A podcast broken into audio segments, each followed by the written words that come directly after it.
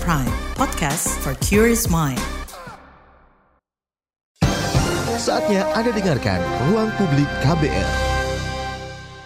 Selamat pagi, kita berjumpa kembali dalam Ruang Publik KBR bersama saya Naomi Liandra.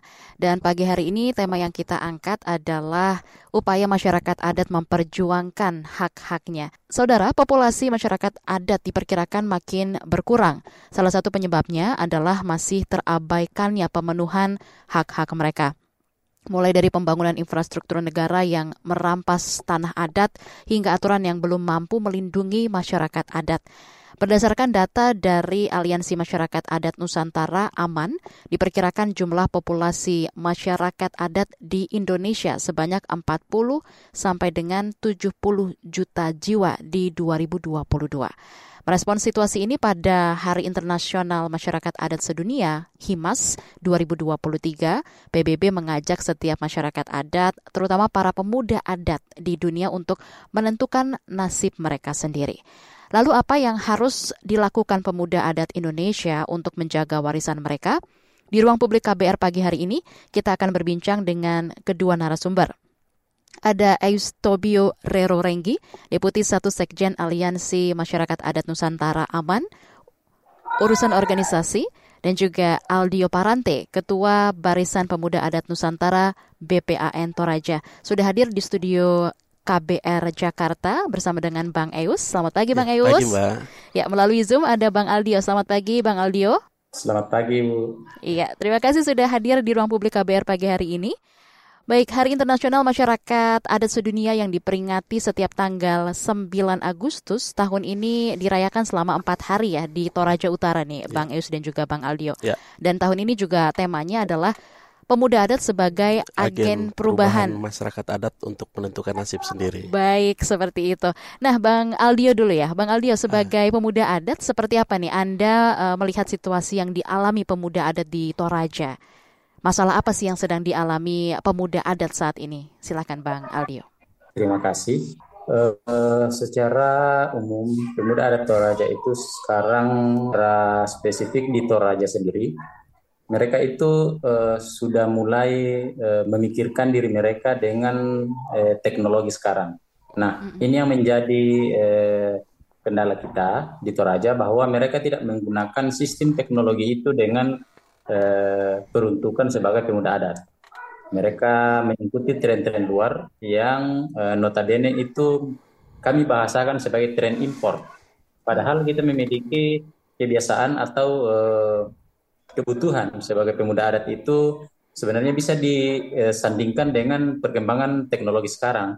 Okay. Dengan contoh mempopulerkan bagaimana eh, situasi perkembangan adat di wilayah kita, bagaimana eh, kondisi wilayah kita. Tetapi sekarang eh, karena eh, Toraja itu adalah, adalah daerah pariwisata, jadi mereka itu eh, banyak me mencangkok lah seperti itu eh, kebiasaan-kebiasaan yang ada di eh, apa namanya di luar sana ketimbang dengan eh, fungsi yang sebenarnya harus dilakukan sebagai pemuda adat sendiri. Oke, lebih mencakok teknologi luar dibandingkan fungsi dari uh, ya. adat itu sendiri ya. Nah, uh, bagaimana ya. dari Bang Aldio sendiri nih memaknai peran pemuda adat sebagai agen perubahan tentunya bagi masyarakat adat sesuai dengan tema tahun ini?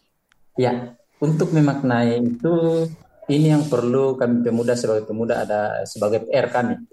PR kami bahwa uh, kita sebagai pemuda adat harus sebagai eh, tombak estafet dari regenerasi yang akan kita eh, jalani ke depan karena eh, mau tidak mau atau eh, kebutuhan-kebutuhan yang akan kita butuhkan ke depan itu tergantung dari nasib kita hari ini. Bagaimana kita menentukan sikap kita hari ini? Bagaimana kita memahami eh, sistem yang berkembang ke depan dengan kondisi kita sebagai pemuda adat. Nah, ini yang perlu kami eh, apa namanya? Ambil langkah langkah supaya kami tidak tersesat di posisi kami sebagai pemuda adat itu. Mm-hmm. Itu yang perlu eh, sebenarnya menjadi makna tersendiri bagi kami di eh, ke kegiatan yang baru-baru ini kita laksanakan di Toraja sendiri. Oke, baik. Tapi sejauh ini uh, Bang Aldio, gimana peran pemuda adat bagi wilayah adatnya? Mungkin cerita di Toraja seperti apa nih, Bang Aldio? Ya, uh, secara spesifik Toraja saya ceritakan sedikit. Pemuda adat sebenarnya mereka ikut ambil andil dalam kegiatan-kegiatan uh, eh, adat, kegiatan-kegiatan budaya, uh-huh. tetapi uh, mereka hanya sebagai pelaksana jarang yang yang memaknai atau memahami mm-hmm. eh, kondisi mereka sebagai pemuda adat bahwa kami adalah tongkat estafet dari regenerasi. Tetapi mereka hanya bisa memahami bahwa pemuda adat perlu melaksanakan ini bukan sebagai pelaku tapi mm-hmm. pelaksana. Nah, sebenarnya mereka itu harusnya belajar, belajar bagaimana mengembangkan kondisi sampai sekarang. Nah, tapi, tapi memang ada yang beberapa yang masih mau belajar bagaimana eh, pemahaman dia tentang Eh, situasi adat budaya dan keragaman yang ada di uh, khususnya di Toraja sendiri. Oke. Okay. Jadi lebih uh, sebagai pelaksana saja bukan yang melakukan begitu ya, ya menurut Bang ya. Aldio. Ya. Nah sekarang kita ke Bang. beberapa yang ya. menjadi uh-huh. pelaku dan kalau kita persenkan ya hanya sekitar 20 persen yang masih mau mengikuti aturan dan mereka mau belajar kayak gitu. Oke, okay, baik. Nah, sekarang kalau ke Bang Eus nih, Bang Eus ya. sudah bertahun-tahun aman ini mendorong disahkannya RUU betul, masyarakat betul, ya. hukum adat gitu ya. Tapi sampai saat ini belum ada kabar baik nih, Bang. Padahal udah banyak juga wilayah adat yang bisa dibilang dirampas begitu ya dan juga ya. uh, menurut data yang uh, aman kumpulkan itu ada 672 masyarakat adat yang dikriminalisasi itu yang muncul ke permukaan. Mempertahankan haknya atas wilayah adat. Yeah. Nah, seperti apa nih Aman sendiri melihat komitmen pemerintah untuk bisa mewujudkan hak masyarakat adat untuk menentukan nasib sendiri, Bang Eus? Iya, kalau bicara soal komitmen pemerintah sih sebenarnya apa ya political will itu nggak ada sama sekali. Mm-hmm. Ya, kenapa? Karena kalau melihat dari proses uh, mendorong pengakuan masyarakat adat ya, secara eh, apa berdasarkan undang-undang sudah ada ya, ya. di pasal 18b ayat 2 dan eh, 28 ayat, ayat 28 i ayat 3 itu yang mengatur soal eh, hak asasi manusia dan eh, hak atas eh, identitas kebudayaan. Mm -hmm. Nah, tapi persoalannya eh, itu dalam konteks uh, deklaratif, belum sampai pada implementasi secara administratif dalam bentuk undang-undang masyarakat adat. Mm -hmm. Nah, uh, itu yang pertama. Uh, yang yang lainnya adalah uh, selama hampir 10 tahun terakhir ya. uh, pemerintah Indonesia saat ini uh, kan kita mendorong apa program visi misi di dalam pemerintahan itu masuk dalam nawacita. Mm-hmm. Tapi dari enam nawacita itu tidak ada satupun yang diimplementasikan, okay. termasuk undang-undang masyarakat adat. Jadi sebenarnya kalau melihat uh, soal komitmen itu hanya apa? Hanya sebagai pemanis hmm. uh, bibir aja ya lalu yang yang lainnya adalah sebenarnya ada beberapa produk-produk hukum kebijakan yang uh, memandatkan untuk mendorong adanya pengakuan masyarakat adat ada peraturan menteri dalam negeri yeah. uh, uh, 52 tahun 2014 itu pun tidak implementatif dengan baik hmm. uh, yang mana itu dia dijadikan sebagai pedoman untuk uh, memerintahkan seluruh gubernur bupati wali kota untuk menyusun pedoman uh, pengakuan masyarakat adat dan itu pun nggak berjalan sama sekali. Jadi sebenarnya kalau bicara komitmen nggak ada hmm. komitmen sama sekali pemerintahan. Bahkan di akhir tahun pemerintahan Jokowi saat ini 9 tahun lebih itu nggak ada nggak ada hmm. komitmen sama sekali. Jadi maksudnya janji manis dong? Iya, cuman janji manis saja. Oke, baik. Lalu uh, sejauh ini hak-hak masyarakat adat apa aja sih Bang Eus yang dilanggar? Kalau bicara soal pelanggaran hak masyarakat adat itu yang paling kelihatan itu mulai dari pemerintah. Oke. Dalam setiap acara 17 Agustusan, Presiden dalam pidato kenegaraan itu selalu menggunakan simbol-simbol adat melalui meka, uh, melalui pakaian adat. Hmm, Dan terakhir yeah. kemarin itu pidato kenegaraan Presiden yang terakhir, yeah. ya uh, pemerintahannya itu dia uh, menggunakan pakaian adat dari Tanimbar, hmm. ya itu sebagai penutup. Dan uh, itu sebenarnya apa pencitraan uh, bukan bukan pencitraan juga uh, tapi apa yang beliau kenakan itu uh, tidak apa sangat bertolak belakang dengan dengan realita de, dari janji-janji politik Nah, yang yang lainnya adalah uh, soal pelanggaran uh, HAM ya, okay. uh, hak asasi uh, uh, di masyarakat adat. Uh, selain yeah. pemerintah melanggar komitmen dari nawacita itu, mm -hmm. ya uh, tidak disahkan undang-undang masyarakat adat, uh, lalu konsep uh, domain verklaring hak penguasaan negara atas wilayah-wilayah adat itu kan sangat banyak sekali. Nah, pengabaian terhadap keberadaan masyarakat adat uh, sebagai entitas pembentuk dari uh, negara Republik Indonesia. Dan yang paling parah lagi adalah pengabaian uh, yang dilakukan oleh negara kepada masyarakat adat itu dengan mengatasnamakan pembangunan. Jadi banyak sekali program-program uh, proyek strategis nasional yang masuk ke wilayah-wilayah adat yang itu sebenarnya tanpa melalui mekanisme dan persetujuan masyarakat adat.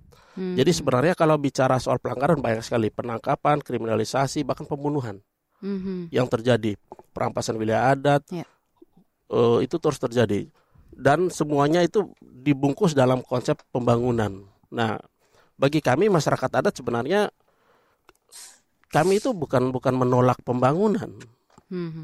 ya tapi model-model pembangunan apa yang masuk ke wilayah adat yang kemudian menghancurkan wilayah adat yang menghancurkan keberlanjutan masyarakat adat itu pasti uh, akan ditolak sama masyarakat adat tapi kalau kemudian pembangunan itu mendukung dan memastikan ada keberlanjutan ada proses regenerasi di masyarakat adat itu maka sudah pasti masyarakat adat itu tidak mungkin menolak yeah. Itu yang yang terjadi jadi memang sebenarnya banyak sekali uh, pelanggaran yang dilakukan uh, oleh rejim, oleh pemerintah, oleh negara terhadap masyarakat adat yang sebenarnya kalau kita melihat bahwa memang masyarakat adat ini sudah melewati gelombang penaklukan yang begitu panjang hmm. dari proses oh, apa oh, negara masa lalu feodalisme kerajaan uh, terus kolonialisme negara-negara barat dan negara modern saat ini. Itu yang terjadi di lapangan seperti itu ya, iya. Bang Eus ya, Bang Eus. Uh, tapi bagaimana dengan perlindungan hak nih Bang Eus untuk masyarakat adat saat ini yang Anda lihat upaya apa sih, upaya perlindungan apa yang mungkin sudah dilakukan oleh negara? Ya, kalau bicara soal upaya perlindungan belum sang belum belum muncul sama sekali. Yang ada itu kan adalah eh, apa negara berupaya untuk mengembalikan hak masyarakat adat ya melalui Undang-Undang 4199 Kehutanan itu yang kemudian uh, apa di judicial review hmm. dari undang-undang dari dengan putusan MK 35 hmm. itu yang uh, menegaskan bahwa hutan adat adalah hutannya milik masyarakat adat. Hmm. Uh, yang sebelumnya itu uh, hutan adat adalah milik uh, hutan negara. Okay. Nah, tapi kan persoalan itu sangat kecil sekali. Yeah. Uh, dari 25 juta hektar wilayah adat yang sudah dipetakan oleh masyarakat adat itu hanya uh, berapa 150 ribu hektar yang baru dikembalikan. Mm. Itu saja. Selain dari itu nggak ada sama sekali. Oke, baik. Lalu uh, kalau secara umum nih, sebenarnya draft Undang-Undang Masyarakat Adat ini sudah mewakili masyarakat adat nggak sih menurut Bang Eus? Untuk draft yang versi sekarang ya, ya itu sama sekali tidak tidak mewakili masyarakat. Menurut Anda seperti apa yang sebenarnya harus diberikan oleh pemerintah? Yang yang pertama itu bahwa dalam konteks, konteks penyusunan sebuah produk hukum mm-hmm. ya apakah itu undang-undang, eh, peraturan daerah, dia harus uh, sangat bersifat partisipatif. Okay. Ya, partisipasi masyarakat ada di dalam merumuskan undang-undang masyarakat adat ini sangat kecil sekali, bahkan tidak ada. Hmm. Itu yang satu. Yang pertama, yang kedua, apa secara konseptual, hmm. uh, secara uh, substansial di dalam rumusan draft undang-undang masyarakat adat yang ada saat ini itu sangat mengebiri dan mengabaikan hak, -hak masyarakat adat, hmm. di mana uh, peran masyarakat adat itu dibatasi. Itu yang pertama. Yang kedua, ini soal uh, legal standing. Makanya sangat-sangat uh, tepat di dengan tema uh, uh, hari ini uh, dan Hari Internasional Masyarakat Adat Sedunia untuk uh, bagaimana bicara soal masa depan ya, soal proses regenerasi. Baik.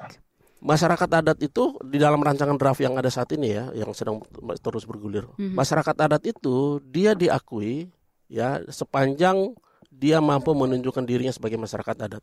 Tapi kemudian itu ada batasannya. Tapi hmm. kalau itu kemudian dalam jangka waktu tertentu mereka sudah tidak me, apa, memastikan yeah. ada prasyarat tanda-tanda tertentu maka kemudian mereka dengan sendirinya akan hilang dan uh, itu kemudian me, apa menghapus identitas mereka sebagai masyarakat adat. Baik, Bang Eus dan juga Bang Aldio, nanti kita kembali perbincangkan topik kita di ruang publik pagi hari ini, upaya masyarakat adat memperjuangkan hak-haknya. Masih Anda dengarkan Ruang Publik KBR. Commercial break. Commercial break. Eh, eh, eh, lo udah tahu soal ini belum sih? Lihat dong.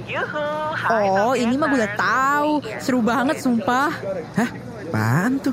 Ini loh yang lagi viral itu. Hah? Gimana gimana?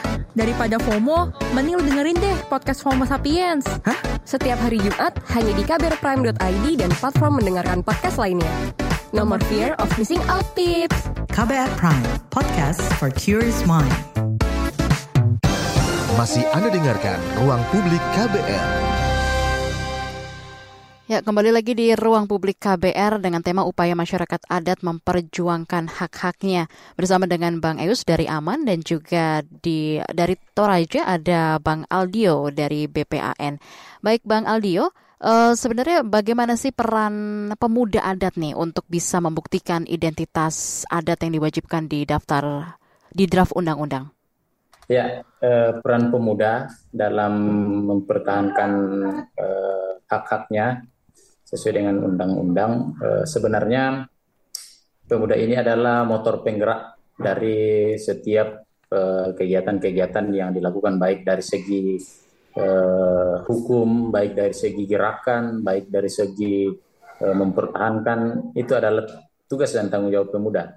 Tetapi eh, belakangan ini kita melihat bahwa pemuda sekarang sudah sudah memiliki eh, garis-garis eh, tertentu yang mereka uh, mau jalani. Tetapi mm-hmm. ini yang menjadi uh, sebenarnya menjadi tantangan kami sebagai pemuda yang masih apa namanya masih bergelut di bidang budaya dan adat. Nah, untuk memberi pemahaman ke mereka yang teman-teman uh, yang masih uh, tidak mempedulikan akan hal itu, itu yang menjadi PR utama kami untuk sementara. Bagaimana kita menjelaskan ke mereka bahwa uh, kita terlahir dari adat, yeah. kita akan memperjuangkan adat. Nah, nah untuk masalah apa namanya peraturan perundang-undangan ini sangat penting bagi kami kaum muda karena ini ada ini akan menjadi pega, pegangan kami ke depan bahwa kami sudah dilindungi, kami sudah di ini, tetapi ini yang menjadi tantangan kami juga. Ternyata secara birokrasi kepemerintahan belum ada titik terang dari itu. Oke, baik. Lalu uh, sebenarnya kalau bisa dibilang gitu ya, pemuda adat ini kan punya upaya tersendiri tentunya untuk menjaga dan mengelola wilayah adat dengan melakukan gerakan pulang kampung gitu ya. Mungkin bisa ya. dijelaskan nih Bang Aldio tentang gerakan ini dan tujuan apa sih yang ingin dicapai oleh pemuda-pemuda adat ini? Ya, gerakan pulang kampung ini adalah salah satu uh, inisiasi dari uh, masyarakat adat untuk pemuda karena uh, ini salah satu uh, salah satu alat untuk menggerakkan pemuda-pemuda untuk kembali ke kampung untuk mengelola kampungnya. Nah, uh, contoh misalnya membuat sekolah adat dan membuat uh, perkebunan ataupun peternakan yang berhubungan dengan gerakan-gerakan yang ada di kampung. Mm-hmm. Contoh sekolah adat. Nah, pembentukan sekolah adat ini bagaimana kita melatih ataupun mendidik uh, regenerasi ke depan untuk memahami sistematis yang ada di kampung itu sendiri. Okay. Contoh kami di Toraja. Toraja memiliki ribuan ataupun ratusan pemahaman tentang budaya. Nah, hal-hal ini yang perlu kita berikan ke mereka bagaimana memaham, memberikan pemahaman ke mereka bagaimana tutur kata yang baik bagaimana cara berpakaian yang baik mm-hmm. tidak mengikuti tren-tren sekarang yang notabene sudah tidak sesuai dengan prosedur eh, kebutuhan adat yang ada di Toraja itu sendiri itu mm. mungkin salah satu sedikit nah okay. eh, kemudian gerakan-gerakan pulang kampung yang lain contohnya eh, apa eh, perkebunan. Yeah. Bagaimana kita mengelola wilayah kita supaya menghasilkan tidak uh, pergi merantau lagi untuk uh, mencari uh, uang dan ternyata di kampung itu sebenarnya kaya akan sumber daya mm-hmm. baik baik dari perkebunan peternakan itu yang perlu kita pahami sekarang nah pemahaman-pemahaman seperti ini yang perlu dipahami nah gerakan-gerakan pulang kampung yang terjadi sekarang itu yeah. Iya. uh, sudah mulai jalan di beberapa titik da- di daerah-daerah okay. dan uh, ada beberapa daerah yang sudah mulai uh, memperlihatkan bahwa gerakan pulang kampung yang sebenarnya seperti ini mm-hmm. dan tujuannya adalah untuk mengembalikan pemuda adat sebagai regenerasi yang eh, dibutuhkan di masa yang akan datang. Oke, baik. Nanti kita kembali lanjutkan perbincangan bersama dengan Bang Aldio dan juga Bang Eus. Namun sebelum itu kita coba sapa dulu penelpon yang sudah bergabung dari Bekasi ada Pak Ali. Selamat pagi Pak Ali. Halo Mbak Naomi, selamat pagi. Pagi Pak Ali, silakan. Iya, jadi saya ini sebagai masyarakat apa ya prihatin dengan banyaknya kampung yang sudah mulai kosong karena tahu ke perkotaan. Mm-hmm. Ya memang ya di perkotaan itu kan memang eh, apa namanya pekerjaan gampang diakses ya kan. Mm-hmm. Kalau di kampung mungkin kebutuhannya tidak terpenuhi, jadi akhirnya mereka terpaksa harus merantau. Mm-hmm. Nah ini kan meresahkan masyarakat adat ya mm-hmm. di berbagai daerah. Kalau kalau kita lihat kayak di daerah Nusa Tenggara Timur, daerah-daerah luar Jawa gitu ya.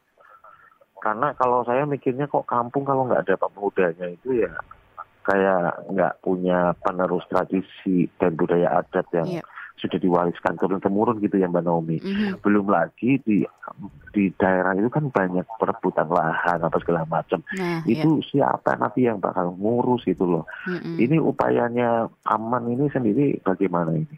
Okay. Apakah iya apakah sudah ada upaya untuk bagaimana supaya masyarakat atau mudanya tidak merantau akhirnya bisa tetap di kampungnya. Baik Pak Ali, terima kasih banyak atas pertanyaannya Pak Ali dari Bekasi. Silakan Bang Eus bisa ditanggapi? Oke baik, uh, terima kasih oh, pertanyaan yang sangat bagus sekali nih Pak.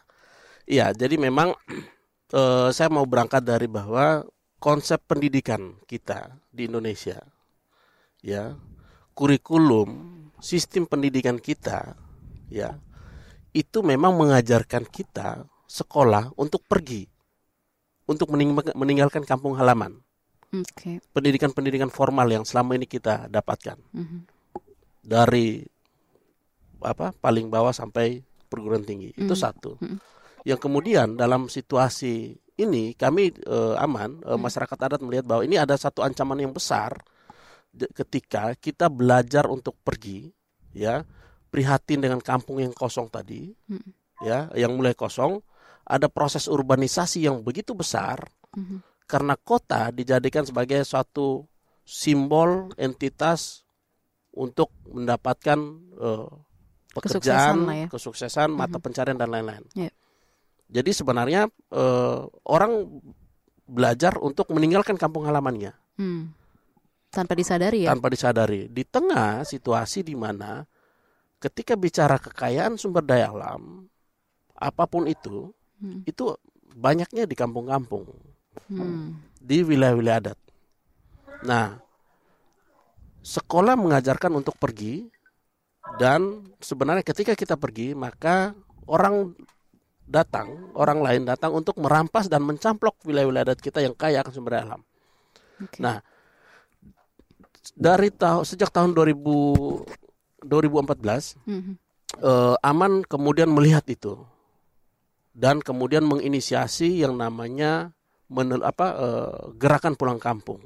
Okay. Kita berangkat mulai dari uh, melaksanakan program yang namanya Indigenous Goes to Schools dan Indigenous Goes to Campus, di mana di kota-kota besar mm-hmm. seperti Jakarta, yeah. Pontianak dan beberapa kota besar itu kita apa melakukan kerjasama dengan kampus dengan SMA SMA SMA untuk kemudian kita menjelaskan tentang uh, siapa kami ini sebagai hmm. masyarakat adat apa yang kami miliki bagaimana kemudian kami bisa memperkenalkan identitas kita sebagai bagian dari negara Republik Indonesia hmm. okay. nah itu itu yang pertama. Yang kedua adalah di dalam program uh, gerakan pulang kampung itu mengajak orang-orang, anak-anak muda yang datangnya dari kampung. Hmm. Jadi mereka kalau dari kampung sekolah, kuliah di kota, kita memberikan pemahaman mereka bahwa untuk uh, kalian jangan lupa tinggalkan kampung halaman kalian, hmm. ya. Kalian sekolah harus bisa kembali ke kampung. Jadi mendorong mereka untuk kemudian mereka bersekolah hmm. untuk balik ke kampung dan mengurus kampung halaman mereka. Sebagai regenerasi Sebagai itu ya. proses regenerasi. Hmm. Nah, dan itu kemudian kita mendorong juga dengan yang namanya program menelusuri jejak leluhur. Mereka mereka belajar kembali tentang yeah. kampung halamannya, mereka belajar kembali bagaimana kemudian mereka sampai bisa mm Uh, apa mengenyam pendidikan, mereka belajar untuk bagaimana kemudian mereka mengenali diri mereka sebagai masyarakat adat dan sebagai yeah. pemuda adat. Dan Kemudian kita mendorong mereka untuk uh, mem memahami juga tentang karakteristik uh, hukum dan sistem adat yang beragam di Indonesia, mm. juga termasuk bagaimana kita meningkatkan kapasitas mereka, uh, cara untuk memahami supaya wilayah adatmu ini bisa utuh, bagaimana caranya, mm. ketika ada orang luar masuk, bagaimana caranya. Jadi me mendorong mereka untuk benar-benar apa, menjiwai bahwa mm. mereka itu anak adat, mereka itu adalah masa depannya masyarakat adat. Dan mereka yang akan mem memastikan proses regenerasi masyarakat adat di masa depan. Mm-hmm. gitu. Jadi uh, gerakan pulang kampung menelusuri jejak leluhur dan beberapa kegiatan-kegiatan lain uh, yang yang selama ini kita kerjakan uh, kita apa pastikan bahwa anak-anak muda dari kampung kemudian terus mendapatkan pemahaman dan jati diri mereka sebagai masyarakat adat itu uh, apa ada ada ada beberapa hal. Contohnya gini uh, oke okay, mereka punya kampung halaman mereka punya wilayah adat mm-hmm. bagaimana mereka memahami bahwa berapa luasan wilayah adat mereka yeah. batas-batasnya di mana ada kampung lain dan kampung lain dan kita dorong mereka untuk kalian harus kuasai wilayah adat kalian caranya adalah melakukan pemetaan wilayah adat Baik. ada banyak begitu begitu banyak potensi sumber daya alam ada hutan ada uh, perkebunan ada sawah dan lain-lain bagaimana kemudian kita mendorong mereka untuk mengelola secara langsung secara kolektif wilayah-wilayah adat mereka oke okay. gitu. dan juga termasuk ketika uh, ada gempuran dari luar, bagaimana cara mereka uh, menghadapi eh, invasi yang masuk. Baik, itu tadi dari Bang Eus, mungkin nanti bisa ditanggapi oleh Bang Aldio. Tetaplah bersama kami. Masih Anda dengarkan Ruang Publik KBR. Yuk follow social media KBR. Twitter at Berita KBR, Instagram at KBR.id, Youtube Berita KBR. Masih Anda dengarkan Ruang Publik KBR. Masih bersama dengan Bang Eus dari Aman dan juga dari Toraja BPAN ada Bang Aldio. Tadi Bang Eus, Bang Eus sudah uh, menanggapi gitu ya uh, dari penelpon yang sudah masuk di ruang publik KBR pagi hari ini bahwasanya bahwa um, anak muda sekarang sekolah tinggi-tinggi malah untuk uh, menghancurkan wilayahnya wilayah asalnya sendiri gitu ya bang ya. Tapi mungkin tanggapan dari bang Aldio sendiri seperti apa nih bang? Silakan. Ya terima kasih. Kampung yang sudah mulai kosong. Memang ini adalah tantangan terberat bagi kami kaum muda karena itu ilmu pergi. Hmm. Ketika kami belajar, kami siap untuk merantau. Ya. Nah, tantangan-tantangan ini yang perlu kami sikapi untuk secepatnya karena eh, hal-hal e, seperti ini yang membuat uh, regenerasi di kampung ataupun uh, orang-orang yang niat untuk belajar di kampung mm. sudah tidak ada. Nah ini yang menjadi uh, keresahan juga dari Pak Ali bahwa memang uh, kami sebagai kaum muda itu perlu ada wadah di kampung untuk uh, supaya tidak kosong. Nah, uh, kampung-kampung yang uh, ini uh, sudah disampaikan sama Bang Eus tadi bahwa yeah. sudah beberapa hal yang dilakukan oleh Aman sendiri mm. seperti gerakan pulang kampung itu sendiri. Nah, hal-hal ini yang perlu di, kami perketat kembali dan itu perlu pengawalan yang ketat dari uh, kita sebagai uh, orang yang ada di Aman. Nah, mm -mm. bahwa gerakan-gerakan seperti ini perlu ada gerakan-gerakan masif lainnya yang perlu untuk dipahami oleh eh, regenerasi itu sendiri.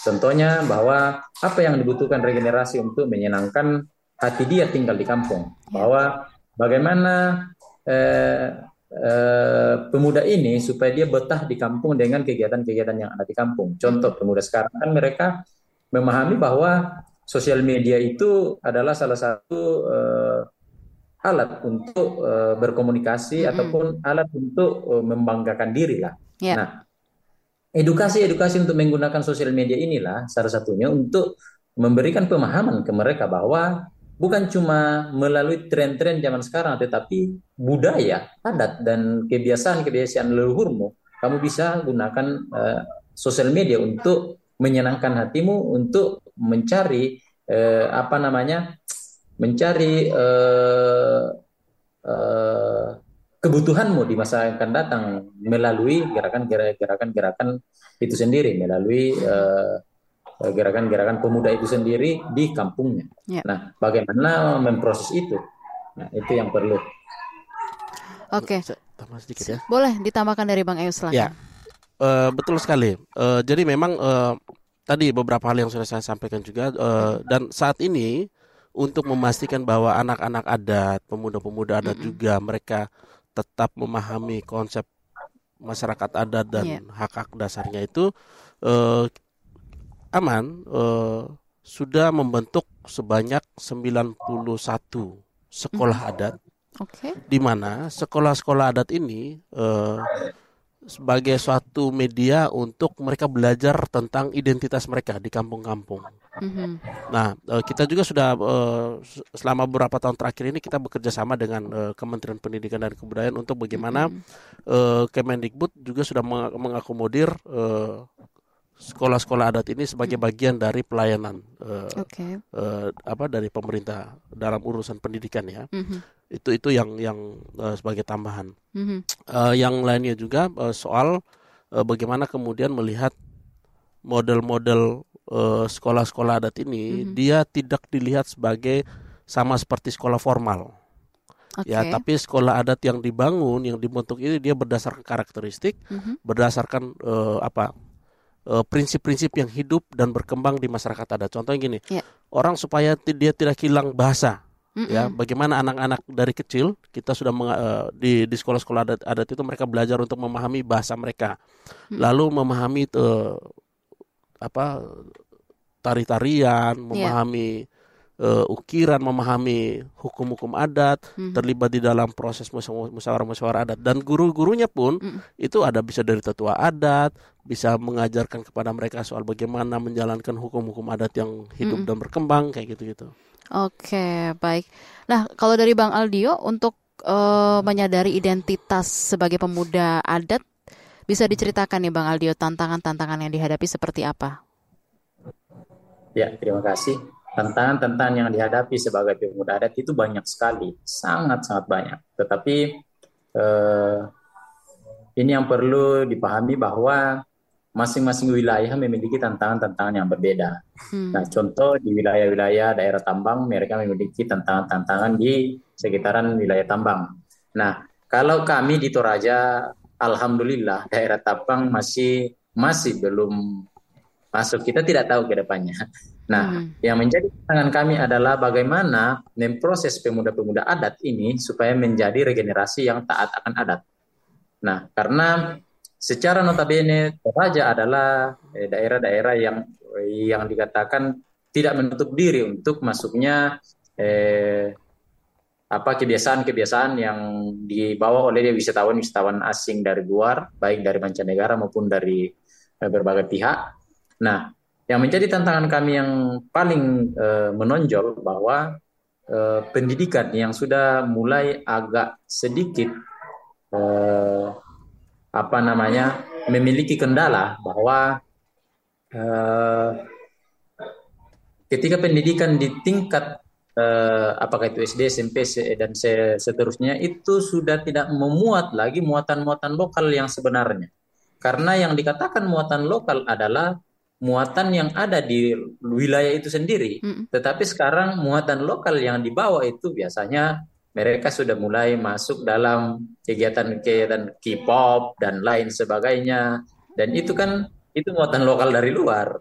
Nah, mm-hmm. itu yang menjadi tantangan kami bahwa eh, memberikan pemahaman-pemahaman kepada pemuda bahwa mm. eh, kita pemuda adat bukan orang bodoh, bukan orang terbelakang, tetapi orang-orang yang memiliki kesempatan untuk memperlihatkan jati diri mereka bahwa mereka adalah anak-anak um, yang memiliki adab, memiliki adat, memiliki uh, identitas, mm -hmm. bahwa uh, ada hal-hal yang perlu dipahami dari situ. Mm-hmm. Nah, bukan berarti bahwa ketika dikatakan pemuda adat itu adalah orang-orang yang bodoh, orang-orang terbelakang. Tidak. Yeah. Bukti bahwa banyak pemuda adat yang memiliki jenjang pendidikan yang tinggi mm-hmm. Dan kembali ke kampung untuk mengurus kampungnya, tetapi sebaliknya juga ada yang memiliki pendidikan tinggi dan kembali ke kampungnya merusak kampungnya. Itu menjadi tantangan kami sekarang. Baik Bang Aldio dan juga Bang Eus, kita baca beberapa komentar yang sudah masuk juga di channel YouTube Berita KBR. Yang pertama dari Pak Hairudin Hairudin Abdul.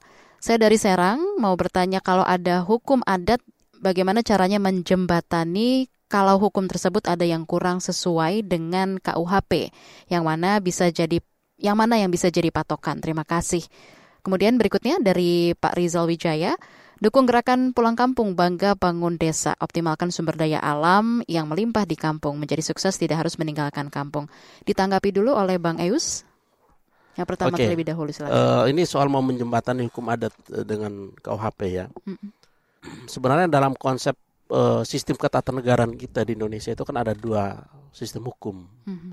Hukum tertulis atau hukum positif, undang-undang dasar, undang-undang dan seterusnya itu sampai peraturan-peraturan dan juga hukum adat. Hmm. Nah persoalannya eh, dalam konteks kita bernegara 78 tahun ini kan hukum positif lebih mendominasi dan bahkan ya. meletakkan hukum adat itu sebagai apa bagian terkecil mm-hmm. dalam aspek sosial budaya saja, tidak melihat dia dari, dari perspektif hukum mm-hmm. yang ada. Itu itu yang pertama. Yang kedua adalah justru sebenarnya juga melalui undang-undang masyarakat adat ini mm-hmm. kita mendorong ada satu mekanisme untuk menjembatani bahwa pengakuan terhadap hukum adat itu itu sangat harus bisa e, menjadi bagian dari relevan yang posisinya harus sama dengan hukum positif. Yeah. Gitu. Nah, persoalannya itu tadi kembali ke yang awal. Hmm. Komitmen dan lain-lain janji politik dan lain-lain itu nggak pernah terabaikan bahkan yang uh, yang yang cukup masif itu di tingkat uh, kabupaten kota okay. di mana uh, ada komitmen politik dari pemerintah-pemerintah daerah mm-hmm. ya untuk memastikan adanya pengakuan masyarakat ada dalam bentuk produk hukum daerah jadi sekarang itu ada 214 per, peraturan daerah perda walaupun memang belum semuanya dia implementatif mm -hmm. tapi tapi kalau dibandingkan dengan pemerintahan nasional, mm-hmm. pemerintahan uh, Jokowi saat ini justru yeah. yang bergerak sangat cepat itu di daerah-daerah tentang pengakuan masyarakat adat. Oke, baik. Nanti uh, kita coba langsung dengarkan saja tanggapan dari Bang Aldio. Silakan Bang Aldio. Terkait dengan hukum adat. Nah, kita berkaca kembali ke hukum negara. Mm-mm. Munculnya hukum negara itu sebenarnya berkaca dari hukum hukum adat.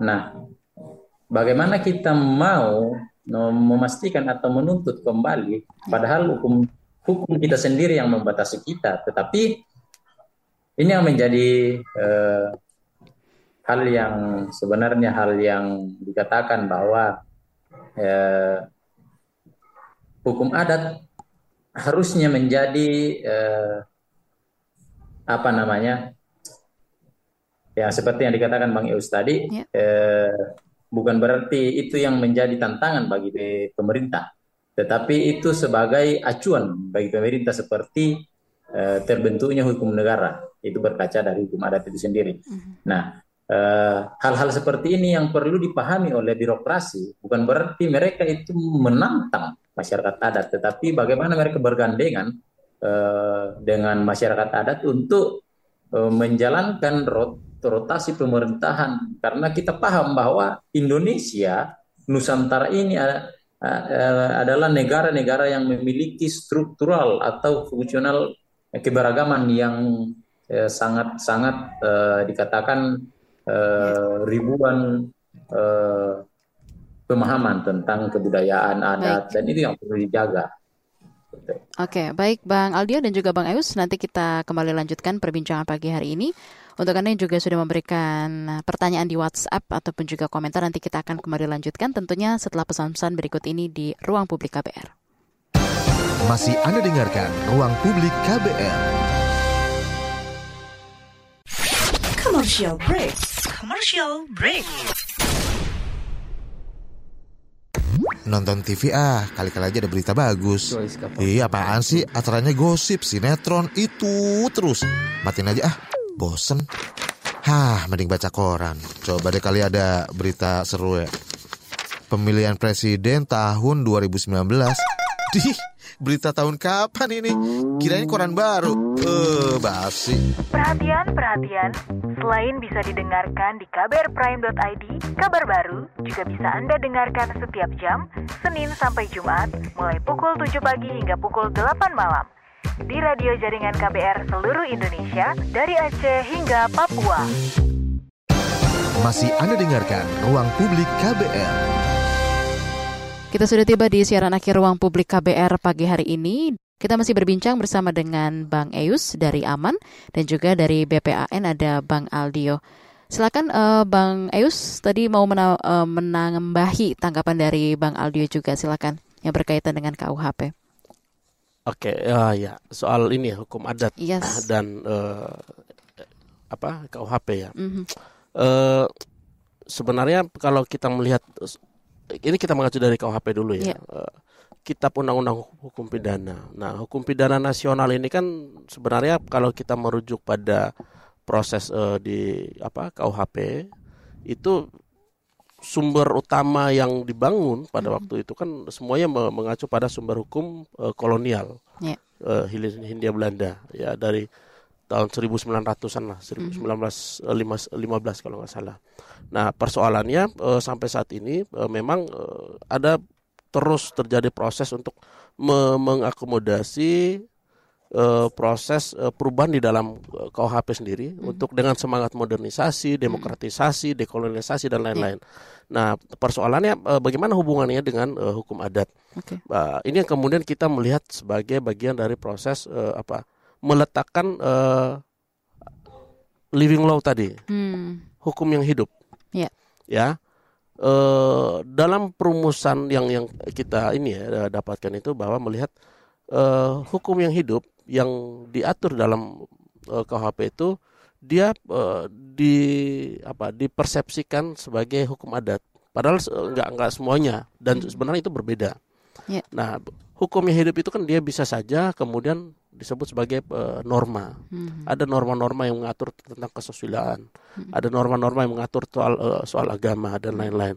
Dan ini sebenarnya sangat-sangat uh, tidak tidak tepat uh, kemudian dalam perumusan hmm. uh, hukum uh, di dalam uh, KUHP itu. Oke. Okay. Oke, okay, baik.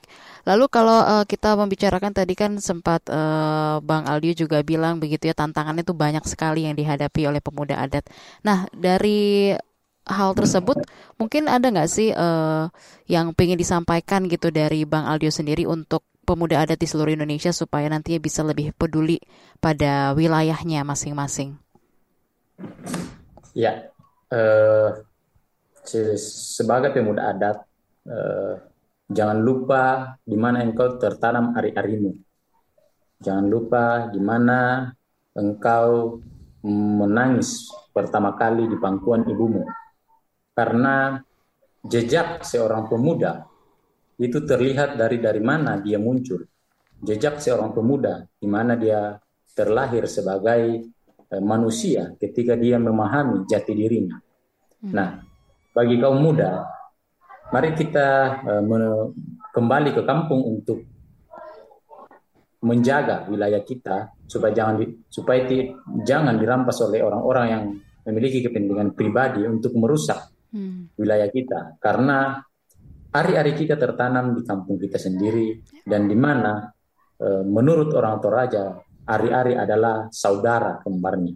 Nah, apakah kita rela ketika saudara kembar kita diangkut oleh eh, resim-resim yang tidak e, memahami bahwa e, kita adalah orang-orang yang dikatakan memiliki wewenang sepenuhnya di kampung kita sendiri Mari kembali ke kampung. Aman sudah menyiapkan bahan atau alat ataupun sudah menyiapkan uh, alat tempur kita mm-hmm. sebagai uh, nahkoda kita di kampung. Seperti gerakan-gerakan pulang kampung. Mari kita kembali ke kampung, mari kita belajar di kampung. Mari kita kelola kampung kita karena kampung kita memiliki sumber daya yang sangat ba baik dan sangat kaya akan sumber daya alam yang dimiliki oleh kampung kita sendiri. Tidak akan bisa kalau kita yang mengelola kampung kita, bukan orang lain. Karena pemuda adat bukan pemuda terbelakang, tetapi memiliki pemikiran-pemikiran yang dan ideologi-ideologi yang baik untuk mengelola kampungnya sendiri. Mungkin itu sedikit. Baik Bang Aldio dan juga Bang Eus, ini ada pertanyaan untuk Bang Eus ya dari WhatsApp yang sudah masuk di dari Depok ada Pak Wahyu. Apakah semua masyarakat adalah bagian dari organisasi aman? Apa ada yang tidak bergabung dan kenapa? Ya, uh, secara uh, ini ya uh, sebenarnya sederhana melihat uh, dan mengidentifikasi masyarakat adat mm-hmm. uh, dalam dalam dalam perspektif ke kita di aman itu sebuah kelompok komunitas masyarakat mm-hmm. mereka apa bisa mengidentifikasi diri mereka bahwa mereka adalah masyarakat adat itu ada karakteristiknya. Oke, seperti apa tuh, Bang? Yang pertama bahwa ketika bicara masyarakat adat itu dia harus punya sejarah. Hmm. Asal usul, leluhur, yeah. dari mana mereka berada. Hmm. Sudah berapa lapis mereka hidup secara turun temurun itu yang pertama. Yeah. Yang yang kedua adalah ketika bicara masyarakat adat maka dia pasti punya wilayah adat. Mm-hmm. Karena apa? Karena dia akan terikat dengan wilayah adatnya. Terlepas bahwa wilayah adatnya itu di masa lalu ada yang mm. apa uh, konsesi, ada yang tambang dan lain-lainnya. Tapi ketika bicara masyarakat adat, dia pasti punya wilayah adat. Mm-hmm. Tidak ada masyarakat adat yang tidak punya wilayah adat. Ya, okay. karena wilayah adat itu juga menjadi bagian untuk selain bukan hanya untuk kebutuhan ekonomi, mm-hmm. tapi bagian dari ruang hidup kosmologi, bagian dari bagaimana mereka melaksanakan spiritualitas, bagaimana mereka kemudian e, berhubungan sosial, mm-hmm. interaksi budaya dan lain-lain itu di situ. Yeah. Itu yang kedua. Yang ketiga, karakteristik bahwa mereka itu adalah masyarakat adat adalah mereka punya hukum mm. yang disebut hukum adat. Mm. Ya, hukum adat yang hidup dan berkembang mengikuti perkembangan zaman. Jadi hukum adat itu dia hukum yang dinamis. Mm-hmm. Ya. E, contohnya gini, kalau ada suatu kejadian ya e, ada terjadi apa situasi yang kemudian itu me, apa menghilangkan nyawa orang di masyarakat adat ya, itu ada hukumnya. Ada yang mencuri, itu ada hukumnya. Sanksi dan lain-lain. Bahwa betul uh, hukum adat ini adalah hukum yang tidak tertulis itu. Yeah. Tapi itu kemudian diakui ya secara turun temurun ada kalau acara pernikahan mm-hmm. uh, ada aturan-aturan yang kemudian oke okay, ini ada tata caranya ada yang kalau di tradisi kan beragam nih ada yang pakai antar belis mahar dan lain-lain ada yang proses Betul. sebelum ini kayak gitu itu mm-hmm. ada uh, proses kematian ada mm-hmm. tata cara upacaranya dan lain-lain itulah hukum yang hidup dan berkembang jadi uh, karakteristik uh, yang ketiga itu hukum okay. hukum adat yang keempat adalah lembaga atau kelembagaan adat yang mengatur hubungan-hubungan sosial, budaya, interaksi sosial, politik dan lain-lain itu, mm-hmm. termasuk ekonomi, spiritualitas dalam itu yang kemudian menjalankan fungsi dan peran-peran untuk melaksanakan uh, hukum-hukum uh, adat yang ada. Mm-hmm. Jadi empat basis ini mm-hmm. sejarah, wilayah adat, uh, hukum adat dan kelembagaan adat ini sebagai basis untuk mengidentifikasi diri sendiri sebagai masyarakat adat.